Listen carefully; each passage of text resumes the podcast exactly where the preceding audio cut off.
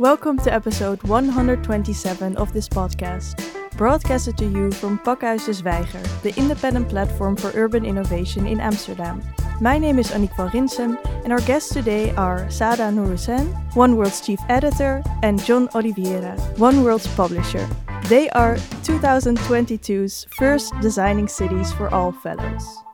Dear Seada and John, welcome. Thank you. Thank you. How would you describe One World and what made you want to work there? Uh, how It's would best I? that you uh, answer that question. yeah, I think that's it's best that I because John has never worked there actually. That's the one idea. Because of Yeah. COVID or No, no, no. She so will explain. so I'll, I'll explain. Yeah. So first of all, how would I describe One World? It's an online and offline magazine. I know John likes to use the word journalism platform, but we kind of disagree on that because I think a platform is something you stand on. Um, Uh, so it's an online offline magazine. We appear uh, daily online, and uh, from 2022 on, uh, every quarter uh, in uh, print. And um, well, if I would have to describe what we focus on, I call it journalism for justice. It's old-fashioned journalism in a new age. We focus on um, human rights, uh, sustainability, and identity, and uh, we we kind of focus on the perspective of the um, underrepresented people. So, for instance, um, migrants, uh, the LGBTQ community. We discuss um, topics like anti-racism, decolonialism, anti-colonialism, um, of course, uh, climate justice.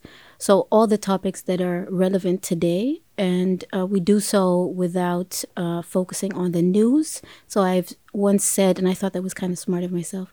Uh, uh, I did a lecture and I said we don't um, cover incidents, we uncover systems. Uh, and also, we have the luxury, of course, of not having to report news, but we uh, try to unravel systems and show people where injustice lies and what they can do about it. Beautiful. And you have not worked there, John. Okay, so so yeah, yeah. So so the thing is, I okay, that's the part was that the I second left. part. Yeah, the second part is so I started out as chief editor, uh, an employed chief editor uh, in 2018 when One World uh, became an independent title. Before that, it was subsidized by the government and was focused on uh, on development aid. Uh, that was already you know less and less. Um, this is actually our tenth year, and It's our anniversary. it's our anniversary. Yeah. Congratulations. Thank you. Um, so this this focus on uh, development aid had already kind of you know uh, become a much smaller portion of the entire uh, of all the subjects uh, that one covered. Um, but in 2018, it became you know an independent title, and that's when it became attractive for me uh, to see if the type of journalism that I envisioned, uh, um, if it was able to kind of put that in practice. Uh, so I was a chief editor for four years before John and I uh, got you know the the license to um, to actually take over the title uh, as entrepreneurs. And John was already uh, I had already asked him to become part of my uh, editorial advisory board um, in 2018 already or ni- no Yeah, 19, 19. 2019. Yeah. So he'd already you know known the title from inside out uh, for two years and then uh, end of 2020 uh, there was there were a lot of financial problems. Everybody's contract was um, what do you call that? Terminated. was terminated and um, mine as well. And One World was uh, actually supposed to uh, be taken over by a, a third party an investor. And then I was like why don't I take over? And then John also was like, yeah, why don't we take over? And I was like, that's a much better idea. So John has never been employed by One World. He just started out as a publisher from the beginning of 2021. That's why he's never worked there. Yeah. And, and what made you want to not work there? well, that's maybe maybe, maybe that's more because I'm more an entrepreneur. Um, I had like two employees in my uh, my whole career list. What I really love about uh, One World is the, the editorial uh, focus. So, um, and I love the the business side of it. So that's one of the reasons why I think I can be complimentary on uh, on Seada, and I can learn from the title because it's been a trip. What are some of the destinations that you've been on on this trip? Ooh. Hell and back. No, no I'm kidding. yeah, no, no. Okay, there are a few things. Um, when I think t- it's also good if you say what type of entrepreneur you are. Because, yeah, because you, Yeah. You know, it's not just you're not selling cars. You know, you're you're you're an No, entrepreneur in okay. media. I'm a right? marketeer. Yeah. Um, and specialized in media. So I've been working in the media field for about 25 years. I worked for large publishers as a consultant, but also as an employee. Um, so I got like an um, and more on the commercial side as well. So I worked at MTV Networks. That's when uh, that's where I was uh, head of an uh, of a brand of a youth brand. I started up an, uh, an a new sales unit within which called marketing partnerships within Sanoma, which was one of the largest uh, media firms in Europe, which had really strong focus on the Netherlands. We know it from Nu.nl and that stuff, which now is a part of DPG. So um, uh, I know quite a lot about business models, but enforcing it is one of the in most. I think it's one of the interesting things to do. And for the last, well, I think prior to uh, One World, um, I was with three other entrepreneurs. We were um, developing the field of uh, uh, blockchain. So actually, uh, did quite a lot of things, uh, a, lot of uh, programs here at Pakhuis Zwijger, um, blockchain and journalism. So that's one of the things that I really love to um, to see how we can move forward. And, and all the learnings that we did from the last, I think, five years. Um, maybe there are some uh, some interesting fields to develop with One World on that perspective. And what does entrepreneurship for you like? How do you tie that to media? Because it's not the most straightforward, uh, maybe domain to go into. So why did it pull you in? I believe that if we're talking about um, bringing a platform to different, uh, say, marginalized voices, um, that's that draws me. That draws me uh, personally, and I think that uh, One World is an well, I think an, a really interesting uh, platform. now, it's an interesting magazine as well as an, a digital uh, uh, title um, with stories from totally different perspectives. So that's one of the things that I learn every day uh, by reading, but also sharing. And uh, yeah, it's about stories uh, where um, we believe that people are all equal, but um, but not treated equally. So that's that's that draws me, and I think that with my business sense, I can help to thrive this uh, this title. And so, what does the word platform mean to you? Why do you think it's uh, That's a fantastic question, Annick. an, Annick, don't get him started. yes, no. Now the thing is, what I have with magazine is that it's typical. It's it's and that's that's to do with the reference from uh, from Seada. Uh, is written uh, journalism, and and for me, and for me, it's about distribution. Uh, all kind of distribution. So it's not only about uh, written articles, but also uh, video, audio, um, and that's that's where for me it's a marketplace where uh, demand and uh, supply comes together. And and I think if you look at it from that perspective, then uh, it makes it a lot easier to uh, uh, to to redistribute content. so there your marketeer uh, personality comes in a little bit. in the triptych series redesigning journalism that will follow in February March uh, this year, we'll talk about language, imaging, objectivity, and access. So, how are you redesigning journalism through language and imaging? Well, I think it's uh, just to give it some context. I think uh, it's good to know that I used to work for uh, newspapers, uh, national newspapers in the Netherlands for a long time, for about 15 years or something. And so I've seen up close how like classic traditional journalism works. Uh, I was part of that, of course. That's also where I was trained, what I was trained in, or what I was trained to do. And um, although there's not much uh, wrong with that, um, I think one of the things that uh, I've tried to change uh, with One World, and that's why it was interesting for me to start uh, to become chief editor of a of a niche title where there's a lot of freedom. For instance, the fact that One World is not part of a big conglomerate or or a huge co- uh, you know media company like uh, Sanoma or DPG that kind of you know dominates the entire uh, written uh, market newspapers and magazines at the moment. There's just two big media titles in this country, which is a very, very, I can't stress that enough. I don't think a lot of people know this, that that's a, it's a concerning uh, uh, development. So there aren't many independent media titles. So One World is, well, could we say that we're completely independent? We are, right? Yeah, 100%. Yeah.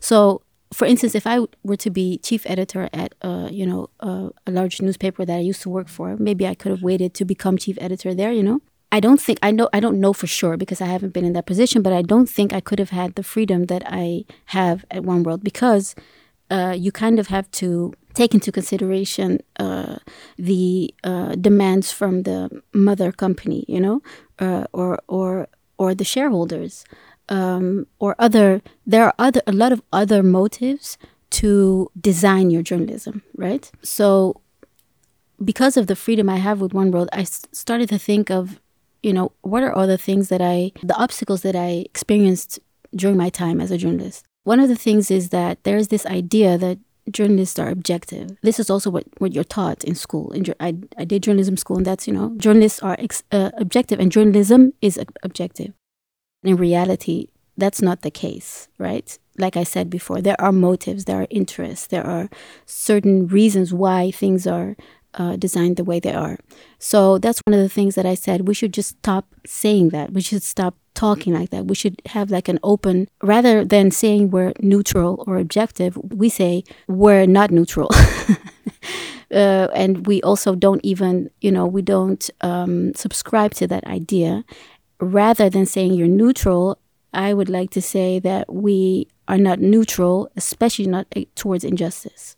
So productions, our publications are aimed at fighting injustice. So there is an objective, you know, there is it's not uh, you know, there is there is a goal. And every other title also has a goal, but they're not really transparent about it. So that's one of the things that I uh, you know, explicitly wanted to write down in our manifest. We have a 10 point manifest that shows people what our, you know, way of working is, but also what our philosophy is behind the title. You know, that's also a way of redesigning because that also means that the way you write things or or the way you communicate with your audience is much different. So it's not necessarily that you're doing something different by not being objective, but you're doing something different by acknowledging that you're not objective. Exactly, exactly. So a lot of people, um, you know, call me uh, an activist instead of a journalist. And when I say a lot of people, it's people in media. they feel that that statement in itself is already a form of activism. You know, you could kind of debate that all journalism is activism in the end because the end goal is to uncover a certain, you know, uh, secret or uh, abuse of power or whatever it may be because you know we we hardly ever write about things that are great right? Mm-hmm. we write about things that are wrong. So isn't that a form of activism in itself? Because all journalistic productions kind of depart from the idea of you know why? Why is something the way it is uh, so there's this kind of either surprise or anger or whatever that is um, at the base of a journalism, you know, of a journalistic production. If journalism is kind of activism in itself often, why is it the case that people want to frame you as an activist and themselves not as an activist? Yeah, because I think uh, I, uh, you know, I, I kind of disrupt the status quo. Uh, and that is threatening, I guess, because it because it kind of forces traditional journalists to look at what they do, to look at why they're doing what they're doing. One of the first things I wanted to us to write about was because of you know, like I said, this uh, development aid background that one World had, uh, there was a lot of language that was really colonial still, uh, you know, seeping through uh, either old articles or still existing. But also, the biggest uh, hurdle actually for me was this huge reservoir of freelance journalists that kept pitching stories that were very colonial, uh, um, that had a colonial um, point of view.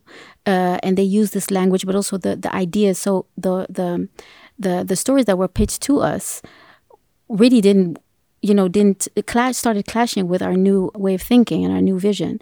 So, can you give an example? What's what you mean by a colonial view? Yeah. So, um, for instance, you know, it was like so. My uncle, my great uncle, has a project in the inlands of Indonesia. He's an amazing guy. Can can't we do a story about how he's helping the the indigenous people civilize or whatever. You know, I'm I'm exaggerating, but it was that type of uh, sto- it was those types of stories that you know even the you know the idea itself but also the language that came along with it. So we decided instead of looking at other media let's examine our own past and look at our own uh, you know headlines and and stories but also photography. Very interesting. Yeah and and and just you know draw a line in the sand and say we're going to quit doing this from now on so this was a uh, kind of a this was a, a message to ourselves to our readers and to the people that were, you know, the freelancers that that worked for us. Like, if you want to pitch stories for us, this is not the way to go anymore. This was kind of a, you know, it was like a, like a breakthrough thing. And then I I did um, a list of words that, and this was actually something that had built up within me for years because I was the Africa editor for uh, a newspaper for Trouw, and so you kind of you're kind of adjacent to development aid and you know mm-hmm. that that world. Uh, not really you know that's what people people think i'm a development aid expert but i'm not. But when you write about africa you know it's kind of um, you it's can't seen as a given. It's a, well it's not a given but it's like it's kind of inevitable that you bump into that world. Um, so i had already been confronted with for instance if you go on like trips in, in in africa and you want to get to like remote places the development aid sector is so powerful. They're the ones that provide uh, transportation, for instance. They have the helicopters, they have the jeeps, they have the they run that whole business, um, and so you're kind of you can't avoid them. You know, mm-hmm. you, you need them kind of, and it's also it also says a lot about how much they influence the narrative. You know, it says a lot about dependency as well definitely but also how media is dependent of. And this was something that was very i found annoying but a lot of uh, correspondents and uh, uh, western journalists found very comfortable yeah, of know? course. I, I, can imagine. There's yeah. infrastructure exactly and you can uh, i, I, I can use would, you would kind of assume that critical journalists would see through that and well they do but it wasn't a subject. And and to me it was a subject how the west influences uh, you know not just uh, economy and opportunities and all that but also media. And why was it a subject to you and not to them? Yeah for me it's like of course i'm i'm from africa. I'm from ethiopia. And uh, so i guess i'm more observant to those things or I see that sooner or uh, and I'm black. feel, feel it soon. I feel it as well. Yeah yeah I think maybe I'm, I'm more you know I, I, I guess I'm more sensitive to those power structures or power dynamics. Um, but to get back to to the the whole colonial point of view and language so this these words had been building up inside of me for a long time. So when I came to One World it wasn't that much you know, it was I think like six months after I started, and I was like, okay, I'm done with this. And so I I I, I wrote a list of words that I said we're going to stop using these colonial uh, terms and languages and give uh, alternatives. You know that we could use. This was an uproar. This was exactly this was an this was an up. So so the thing is that we, these were words that we used right mm-hmm. in our and then we uh, so it was like we are going to stop using mm-hmm. these words that we used to use. Yeah. But the entire, but other media were all like, well, can't Offended. we say anything anymore? And everything woke, woke, the you know woke terror and whatever. So it w- I think the word woke wasn't that uh, current there, back then. Yeah. But this was like 2018. But but I think it's interesting how they all felt it was about them when because it was it was about them but like the thing is like you didn't you didn't say that tell anyone what they can and cannot write but if they read the piece they were like oh beep there's a point to, that exactly just because there's a point to it they get all these emotions from it I exactly think. so if you ask me how you're redesigning it i think this is a way of redesign by using introspection you yeah, it's very it's, it's inevitable. very yeah that you exactly. Examined your own practices. And then it became yeah. this uh, this thing that other media started to wonder what they were doing. So i think that took time to be honest. It was not directly. No it, it definitely took time but for instance the uh, the ombudsman of nrc then started asking his you know he started writing about it and that was actually quite immediate. But also you know even the knee-jerk reactions are interesting, even though that's not necessarily constructive. The fact that they feel they have to do something, you know, they have to react that you know I thought it was interesting, but I thought who read you know not to be uh, dismissive, but uh, I didn't think they read One World, you know, Mm-hmm. but they but they do apparently. Um, or at least in their surroundings. So, I mean, what I found interesting in that time that you um, that you published the the, the statement uh, was there was a lot of debate, yes, uh, a lot of debate from existing titles, uh, media titles, uh, were uh, really aiming like this is water. Sorry. this one. No, they, they were really Very interesting. what, what I what I found interesting about its dynamic was uh, uh, it wasn't about them, but it was about them, and that's what you just mentioned, and um, that showed the impact. And for me, even till today, there are still debating about that specific article about the fact they're not saying, "Oh, we got it from One World." No, no, no, no. But now they are claiming it, or at least uh, make it their own. And I think yeah, that they that, won't ever give credits, but No. I, and that, that's not even you know that's not the point because the thing is we can just trace it back, right? It's not that hard to to see the you know where where people made changes or where they copied things, but that's fine. I think we all you know we're all inspired by each other or copy things. But what then that kind of ignited a um, um, an archive of uh, changing or looking at language. It went down to sexist language, homophobic, transphobic. Well, we have a, a language dossier now, you know, online that you that everybody can just uh, consult. And and and I actually still hear people saying, "Oh yeah, I use your language." Uh, uh, Dossier. Yeah. dossier for like for school, for even uh, policymakers. Um, you know, it's uh, still irrelevant. yeah politicians so um because i also feel when you talk about re- redesigning journalism i also feel like media shouldn't be this closed off fort where you don't understand what people are doing or it should be part of democracy you know to uh so that we we also have a very i feel like uh, the reason why I'm still around at One World is still doing this because you know I could have just you know kept my job. I had a great job. I loved you know I was traveling. It was great, but I felt like I had this responsibility in using uh, this sector and this profession to also you know break open or to share and exchange knowledge you know? It shouldn't just be broadcasting and never re- receiving you know? For instance that that uh, language well the first one the uh, the decolonization of our own language i was actually um criticized by, um, or we were criticized by a Surinamese woman who said, wait, wait, wait, because we had one of the words was the word indigenous, which doesn't really translate well from the English English language to the Dutch because in Dutch it's inheems, which is a very 19th century feel. Indigenous has a very different sound uh, in English, but you know, if inheems in Dutch has a very colonial tone to it. Um, and she said, "Wait, the word indigenous, you can't just." You know, throw that out because we fought in Suriname, which is the only, uh, you know, which is John's uh, heritage, but which is, uh, I guess, yeah, the only uh, South American uh, country that actually speaks the Dutch language. We fought for this word to be acknowledged by the Surinamese government and you know other authorities in the in the region, uh, so that the indigenous Surinamese people that are a tiny population are protected and, and get their rights that are like you know acknowledged to them by the UN or whatever. And so that are acknowledged. yeah, and that they're acknowledged as a people.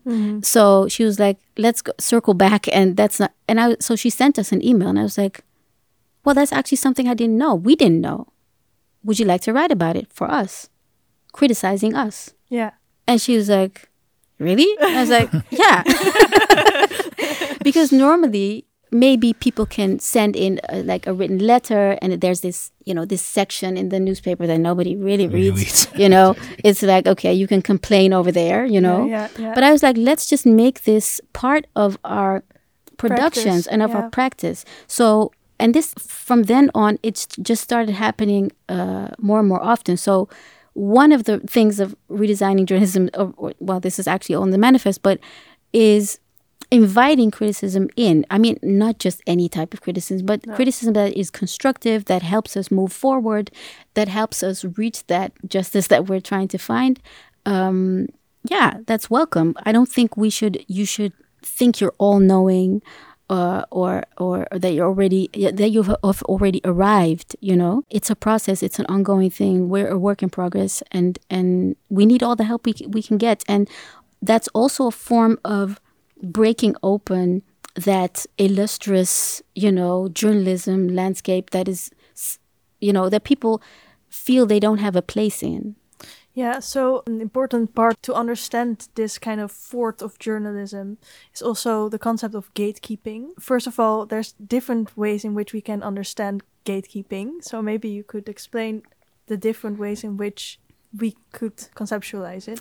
Yeah. So, uh, John, I don't know how you think about how you feel about gatekeeping, but I think there's two ways of looking at it, or maybe more ways, but at I, least two. At least two ways. Mm. And I think one way is saying that you know you could be like an, an actual gatekeeper in keeping people out, you know, in keep in in like um um like a bouncer, like a, a bouncer at, at, a, a, club. at a club. Yeah, exactly.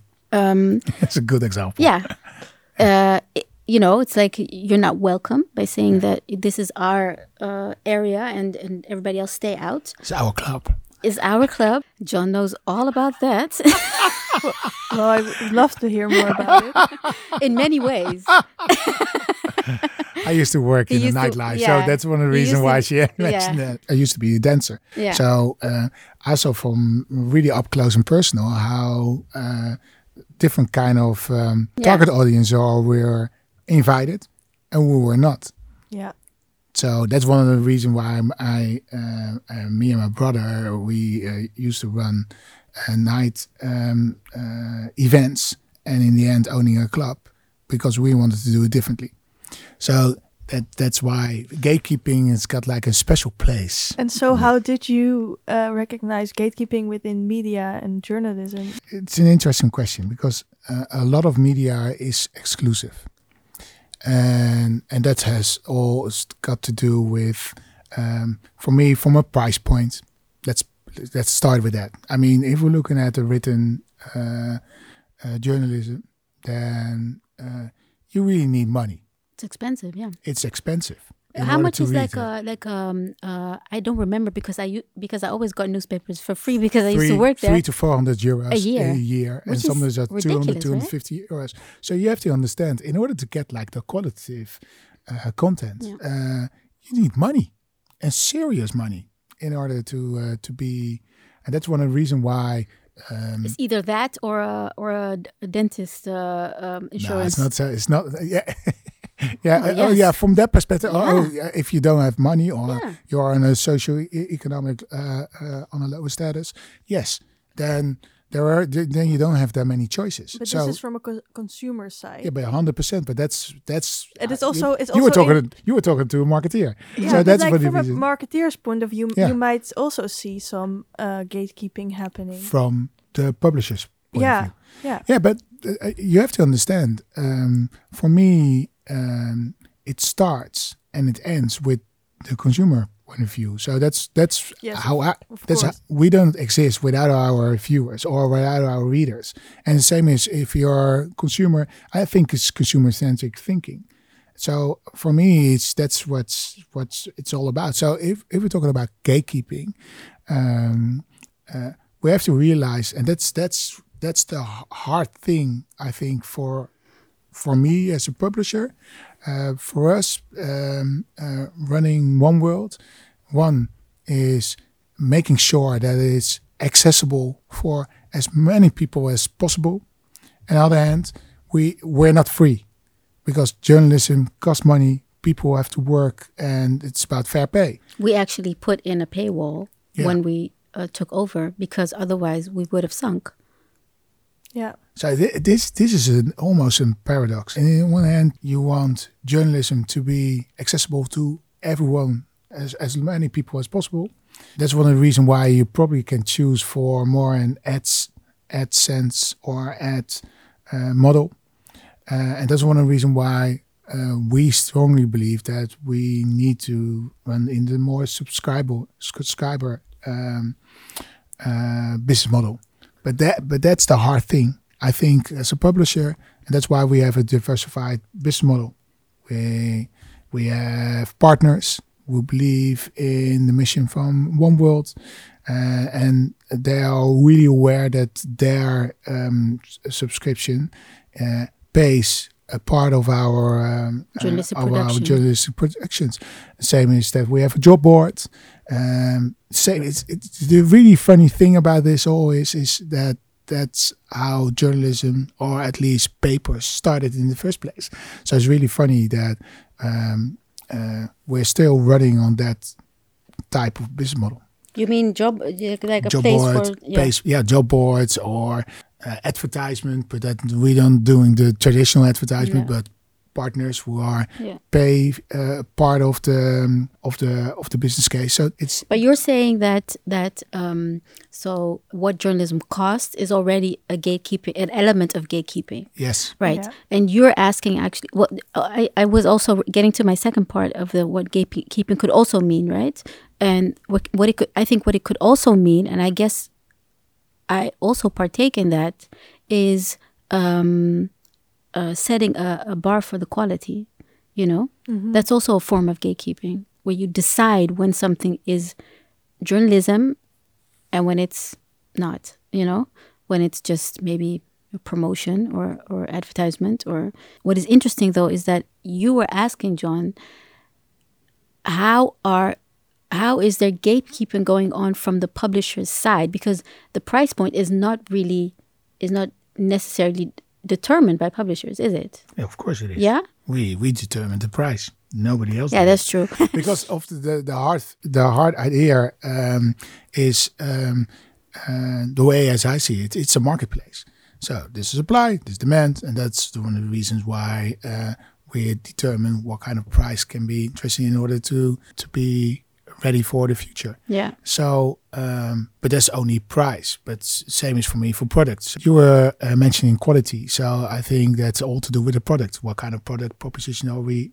You're talking about raising the the bar, uh, uh, and um, and that's one of the reasons why I believe subscribers are interesting in our products, um, in our in our services, or at least in our stories, because it's uh, it's high quality journalism, and and people recognize that, and and they are all willing to pay for this. I think now uh, we are uh, we are Dutch spoken, so uh, we are now One World. I mean, we are now speaking in English, but uh, it's it's a Dutch uh, magazine, um, and you can basically only read it if you are a Dutch native.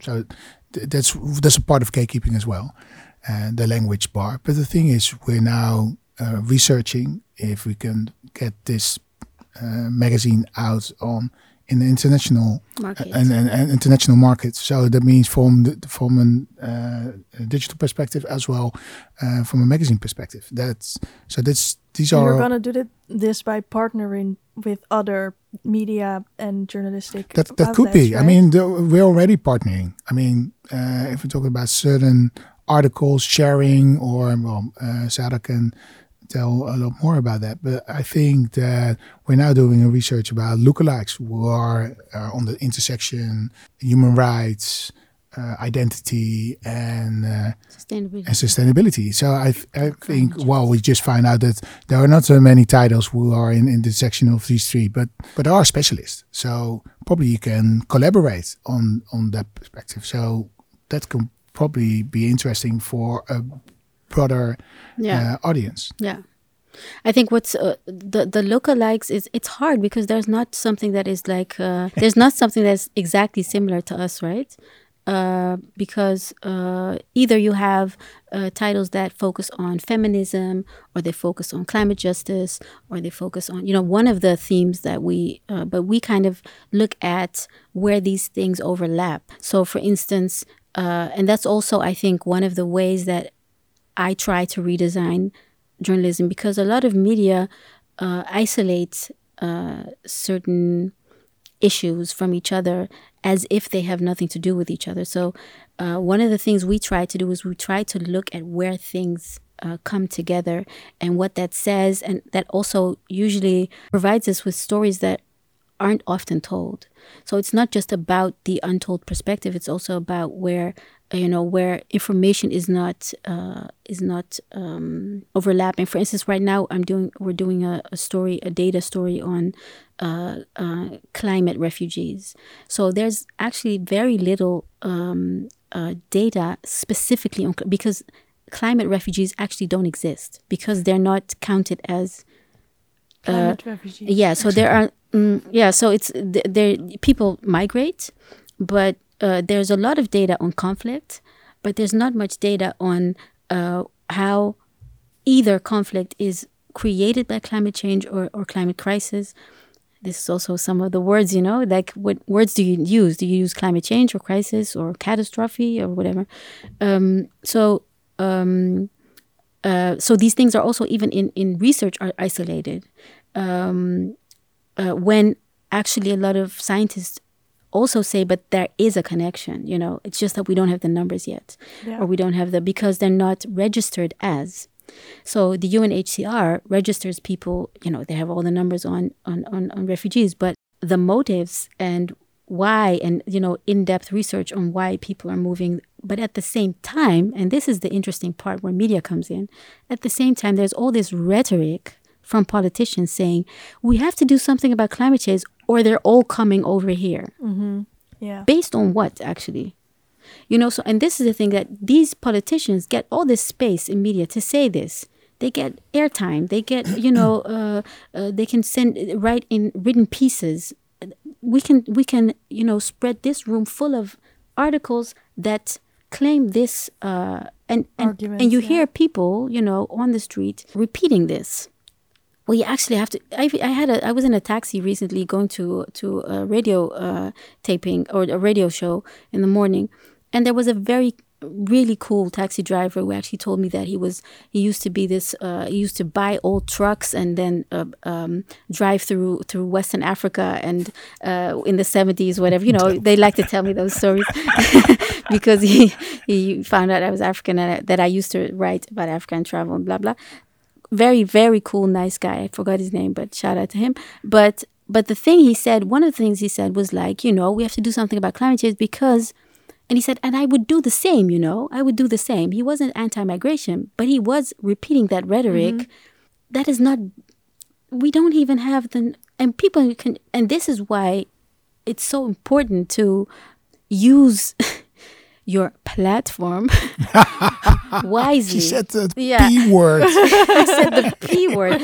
But to use it wisely because, you know, it's so powerful. Information is so powerful. It can really shape minds, you know? Yeah, and this is a really beautiful example of how you also are gatekeeping in the sense of keeping the quality high because exactly. you uh, are not only bringing in different stories but also keeping it factual and like the, so looking for the ways in which the facts are not gathered by by by politicians media. Which is exactly why i'm not an activist. Do you understand what i mean? I'm not saying that activ- activists aren't factual they are. But the difference is that you know what is what is um, framed as activism is that it's it's in juxtaposition to journalism which mm-hmm. is factual. You understand what yes, I mean? Yes. That you're not factual. That's what makes you an activist, which is completely bullshit because it's not true. So it's just a way of kind of delegitimizing and disqualifying our type of journalism because it goes against the grain and because it's uh, destabilizing for how people have done it for such a long time, especially the last 20 years, which is the era in which I grew up as a journalist. Mm-hmm. You know, this is where all of the you know the far right started seeping into politics and media because this is the wor- this is what worries me the most. Where politics move media moves.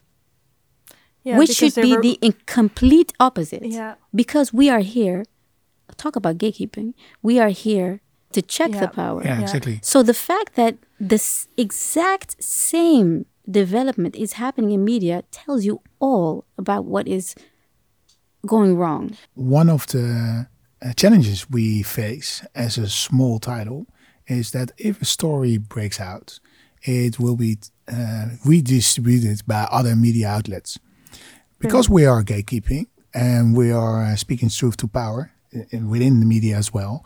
Um, well, let's say they are not really funds to redistribute uh, stories from our uh, media outlet, and I think this shows uh, a part of uh, gatekeeping that can be problematic, and which can, uh, which I think is one of the one of our really main challenges for the next few years in order to break that specific cycle. So what will happen is, like I said in the beginning, there will be some there will be copying of our stories, but uh, without giving credit.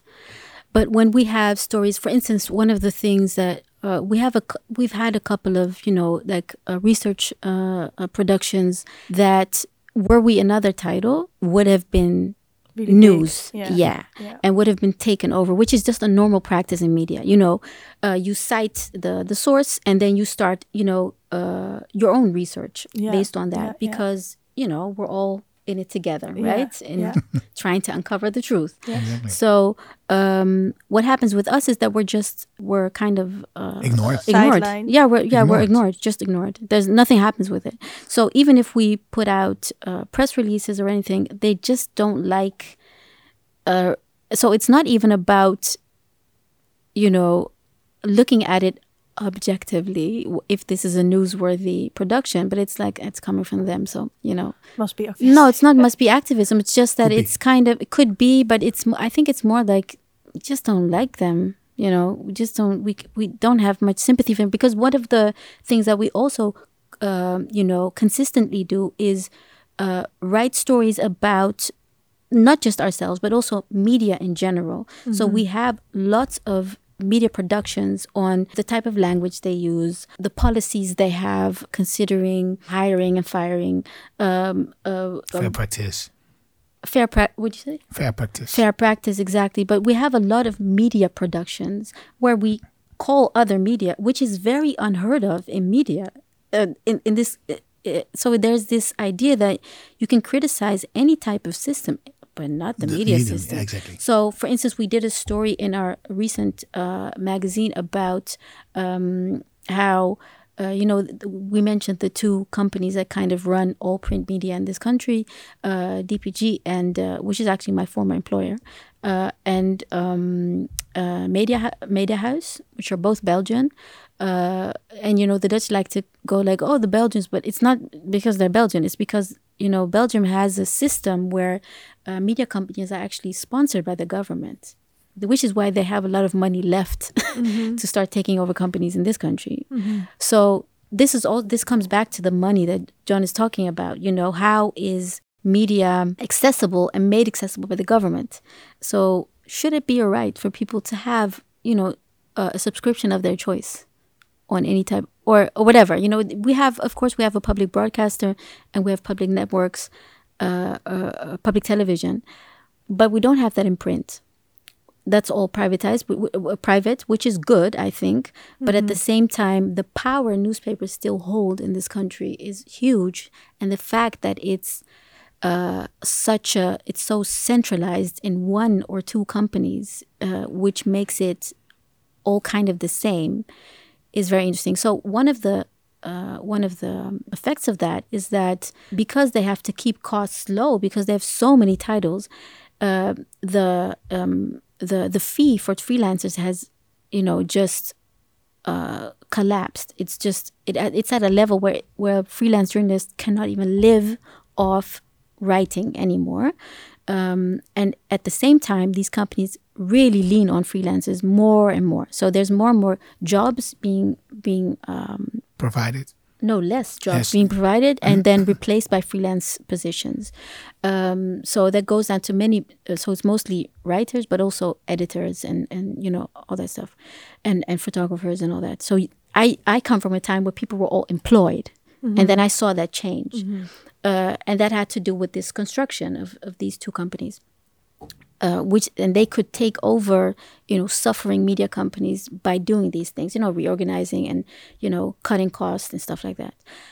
But one of the effects is that freelance journalists have to do commercial gigs on the side to just to, to live, you know, t- because they can't live off writing for journalism for Yeah, journalistic titles anymore. And then the effect of that is, of course, that one day you might be, um, you know, criticizing a certain company, and the next day you have to write a piece for them. It's already happening. Exactly, that's already happening. So, so there are actually real implications Yeah. that uh, and these are the stories that we write about. So we call the chief, you know, my colleagues, uh, and sometimes people that I used to work for or work with, and they find us very annoying because we try to ask them, so what are your fees, and and how, uh, you know, how many uh, uh, freelancers do you hire, uh, as opposed to the people that have actual, you know, paid jobs or that are that have contracts, and it actually came to a point where we because we've been doing that for the past four years, you know, in different subjects, language, anyway, anything, where they sometimes don't even pick up the phone anymore. It's not a weekly thing, right? But it's just that we've so it's so weird, which I think is weird. I Yeah. think is weird that you can't ask other media titles why can we be critical about everything else in this world instead, uh, but not our own sector. I It's think not a that's culture. It's really yeah. exactly, and that is again, I think something to worry about. Yeah, it's really interesting because it is obvious that it makes a big impact if the Yeah. whole journalism sector is going down the drain. Uh, we really have a problem, and journalism should report on that problem. So. Exactly. But they don't feel it like that. Huh? Yeah. They don't feel it like it goes. They see it as an outside problem. Exactly. They think is hey, it's profitable. Look at it. These two companies are profitable. They're making money. So uh, they don't, uh, and they think like, hey, uh, we're we're making the papers. Yeah, because they're making a lot of profits. Huh? Yeah. Let's not forget that. I mean, there's it's very lucrative at the Yeah. moment for them, For them, but for the bit for for the profession itself, it's an it's uh, it's bad. And I feel like there's also a lack of solidarity from the journalists that are under contract towards the journalists that are not.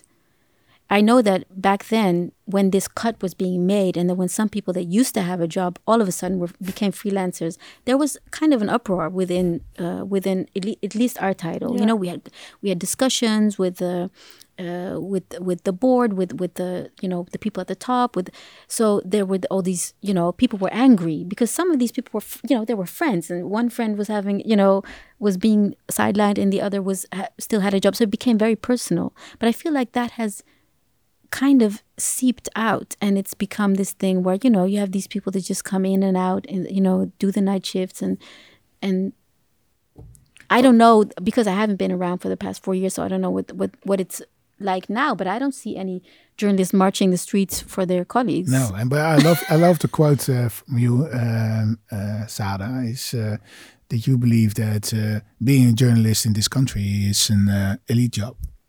Yeah, it's becoming a, a, job for people, for the elite, because it's just people that can afford to be a journalist because they have, you know, they have a safety net of like rich parents or a rich partner. Or because you, you, I already saw that happening with like correspondence. You know, we didn't necessarily get the best correspondents. We just got the partners of of diplom- diplomats Yeah. that had needed something to do themselves. I'm not saying that all the correspondents break up because there's very there are very good ones that that work for themselves and but you know just to give you an idea of how that's also a form of gatekeeping because what type of perspective do you then get? People that have maids and and and help and that you know the circles they I'm not all right because I used to work with very good correspondents. Uh, so that's not my uh, that's my, my necessarily my um, experience, but it happens, and this is becoming the same for freelance journalists in this country who can afford to still be a freelance journalist. Yeah. And I'm not uh, discrediting. Uh, I'm not. I'm not uh, kind of uh, keeping ourselves out of the uh, out of the storm because we also need better fees.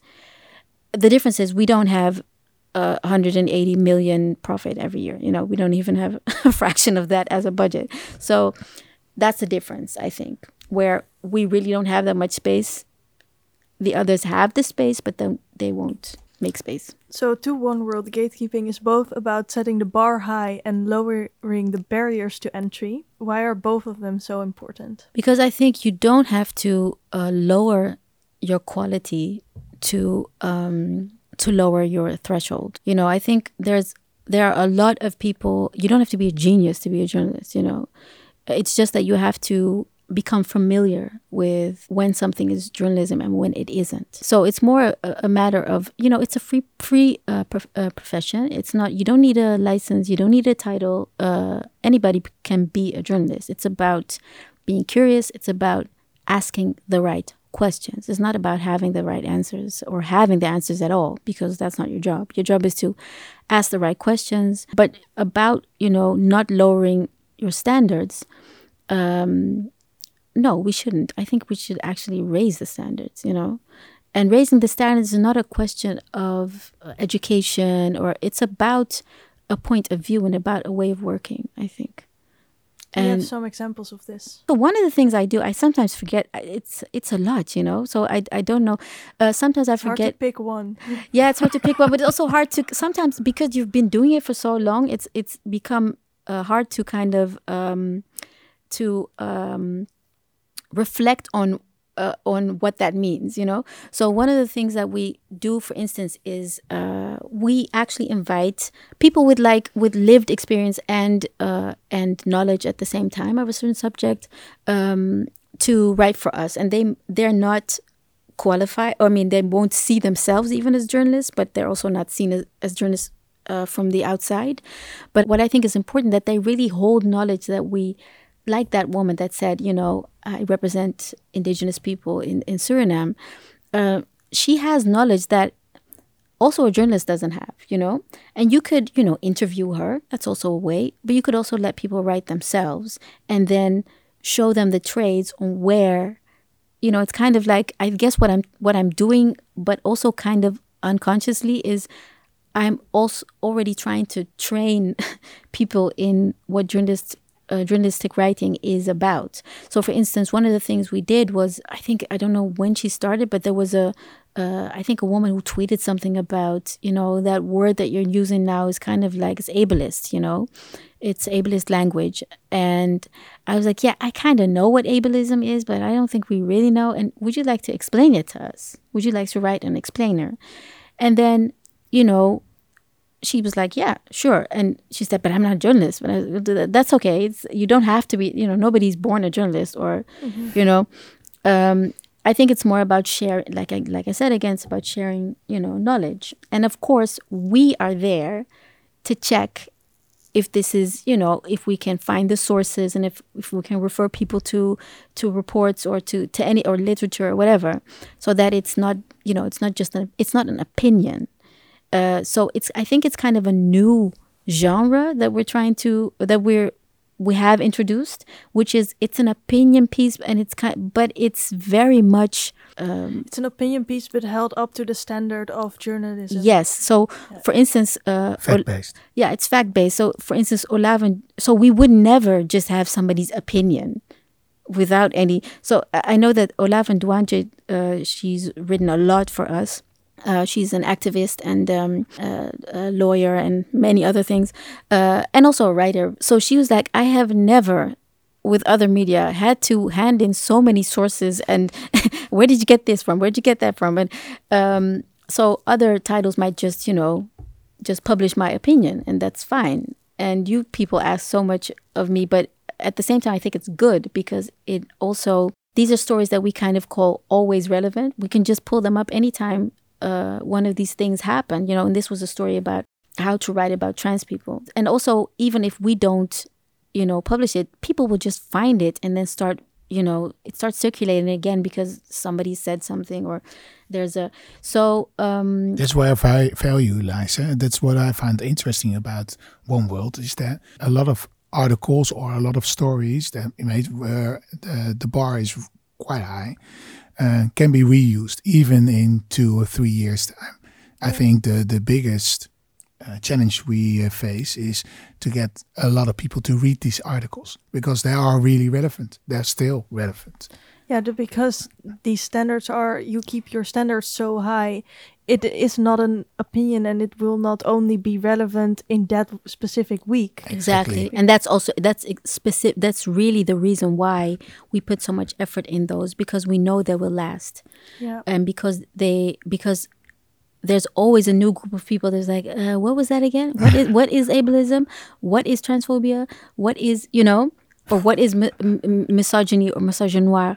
So uh, these are stories that we so we're like, okay, here we go. again. but for other people, it's like, oh wow. Yeah, and that's You know? how, and, and that's why I'm saying I'm learning every day because I can use it in my conversations, and I use uh, One World as a form of dictionary, Yeah. and because uh, certain articles that help other people to understand the other better. Yeah.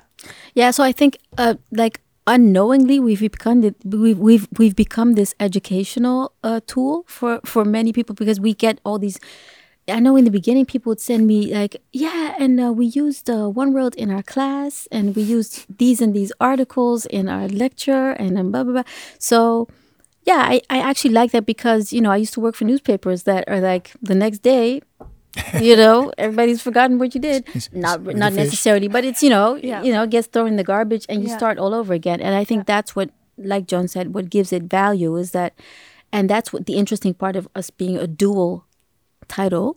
Uh, that you know the magazines Platform. a platform yeah no uh, but the fact that online has become this this uh, you know this archive of uh, of knowledge um, and then written by the people that are actually that have lived that knowledge and not just studied it and that's i think what makes it like you said uh, it's about inviting people in asking them. So for instance uh, daniel Polo used to be he's a he's a scientist. Uh, he's a plastic expert. He's uh, you know he's in the field of sustainability. And i just and i i saw some some tweets of his and i just saw his profile actually. I didn't really and i saw that he did did some things in like media but more like audiovisual.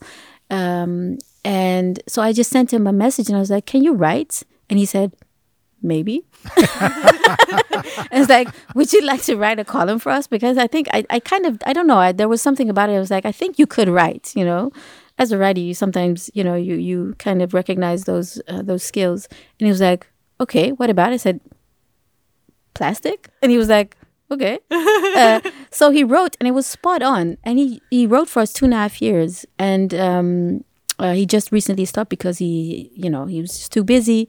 Uh, but i think it's interesting how you know I also try to demystify this idea that writing is so difficult. And I mean, it's difficult. Let's not. I mean, it's not easy, but it's not something that is just for the happy few. You know, or for just for a few people. So this is when you talk about gatekeeping. I don't want to keep people out. N- definitely not. But I also don't want to lower the bar, and that's not needed. You you don't have to lower the bar to invite people in. Yeah. Very clear. Do you have something to add, John? No, it's really clear. I mean, uh, we discussed a lot of a lot of topics, and it's really interesting to, to uh, realize that there is like an, a red line, or I don't know if, if that's the right word, especially because you mentioned the gatekeeping, and um, uh, I never even really really thought this really through, and it makes me realize that um, what our position is and how we escaping the journalistic field only by being there. And that, that that's what I found. Well, not only by being there, you're doing a lot. No, that's that's you're totally right. But for uh, we underestimate uh, that even with the niche title that we are, we can still influence a lot. And uh, and I just want to, uh, um, yeah, keep on doing that and and make it bigger because I think that that's where the the future lies. to close off, um, so how are you going to improve journalism in the coming years? What I'd really like to, well, I said we, we become an educational tool, but I'd also like it for us to be an educational place. You know, I'd really, this is something I've been saying since I began. Uh, you know, media, the media landscape can't change with just us. You know, it has to be. I, need a new army of uh, of of journalists and people t- to be interested in this field. You know, what you see a lot when it comes to like marginalized groups and underrepresented uh, groups that when they enter the field of media, it's usually because they are invited in to talk about their problems and to uh, maybe write an essay or two about their experiences. But I want skilled journalist writers from marginalized groups. It's not just something I want, we need. because um, the only way you're going to make a lasting impression and a lasting um, because you know at some point people are, are have heard your experiences people know your opinion you know that doesn't last what lasts is the skills to write and document stories that become part of the collective uh, truth. And to do so, you need to invest in writing and investigating stories that are not solely about yourself. And this is not something I I I blame people from marginalized groups from. This is something I I I put on media who only give people the option to be part of media from that uh, angle. angle. Mm-hmm. And, um, you know, I know that, for instance, NRC, which is a big newspaper in this country, is currently recruiting a lot of uh, uh, young people of color uh, to become investigative journalists, which is great. But they come into an environment that is not friendly to them. We, we can also not uh, ignore that part. So, how do you make it a safe space? A safe space. Well, you know, a safe space doesn't really exist for nobody, but a safer environment. Um, if you don't change that culture, yeah, a, an environment where self criticism is already there, and it doesn't have to be uh, that one young person in a fragile position that has to speak up about things that could be very unsafe for them. So all these projects about you know like bringing in diversity, which is a word I hate and never use, uh, but that's how they. What's a good alternative? I think it's about just just uh, um, fair representation. I think that's uh, that's more important. But all these projects that are going on right now, and especially since you know last year or the year before, Black Lives Matter became people woke up. They won't work if you don't also address your culture and the power dynamics that are there and yeah. what can because th- what you see in the paper is a reflection of that culture and what yeah. you don't see in the paper is also a reflection of the and it's very unfair to ask young people that are already overwhelmed by you know a very demanding environment to also be the the ones to become gatekeepers on that mm-hmm. you know no no that's the easy way and that's what hap- what's happening right now. So I think I'd like to be- become a place where people feel safe and, and free to uh, to work, but also criticize and uh, be themselves um, and bring along their entire being while being a skilled and professional journalist. Beautiful. And you? Real short. More collaboration, better distribution, smarter distribution from our uh, from our content. I think that that's important that's not specific for for One World but for me uh, if we're talking about journalistic content i mean i'm aware that i'm skilled if we're talking about software and how i get like information but a lot of people are not. And how can we get the right information to the right people in the right moment the right time? Well, all this kind of stuff.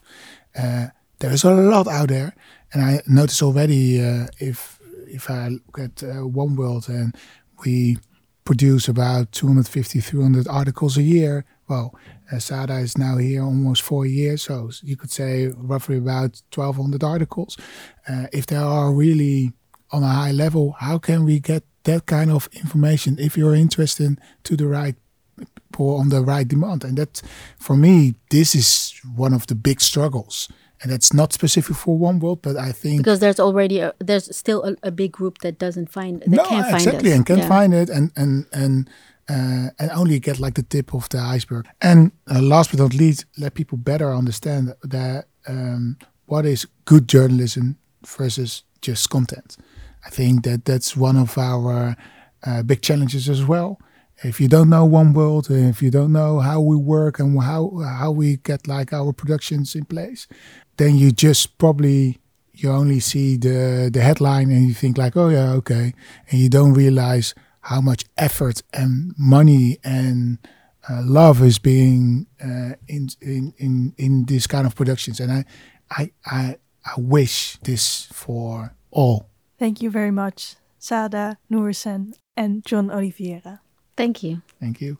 Dear listeners, this was episode 127 of the podcast series by Pakhuis de Zwijger. Do you want to know more about this topic? Join our triptych series Redesigning Journalism on Monday, February 28th, March 14th, and March 28th at 8 o'clock. Go to dezwijger.nl slash agenda to see more. Or go to our online research page on designing cities for all at dezwijger.nl slash dcfa. Subscribe to our podcast via SoundCloud, Spotify, Apple Podcast, or another podcast platform. Leave a rating or share your thoughts about the topic. Thank you for listening and until next time.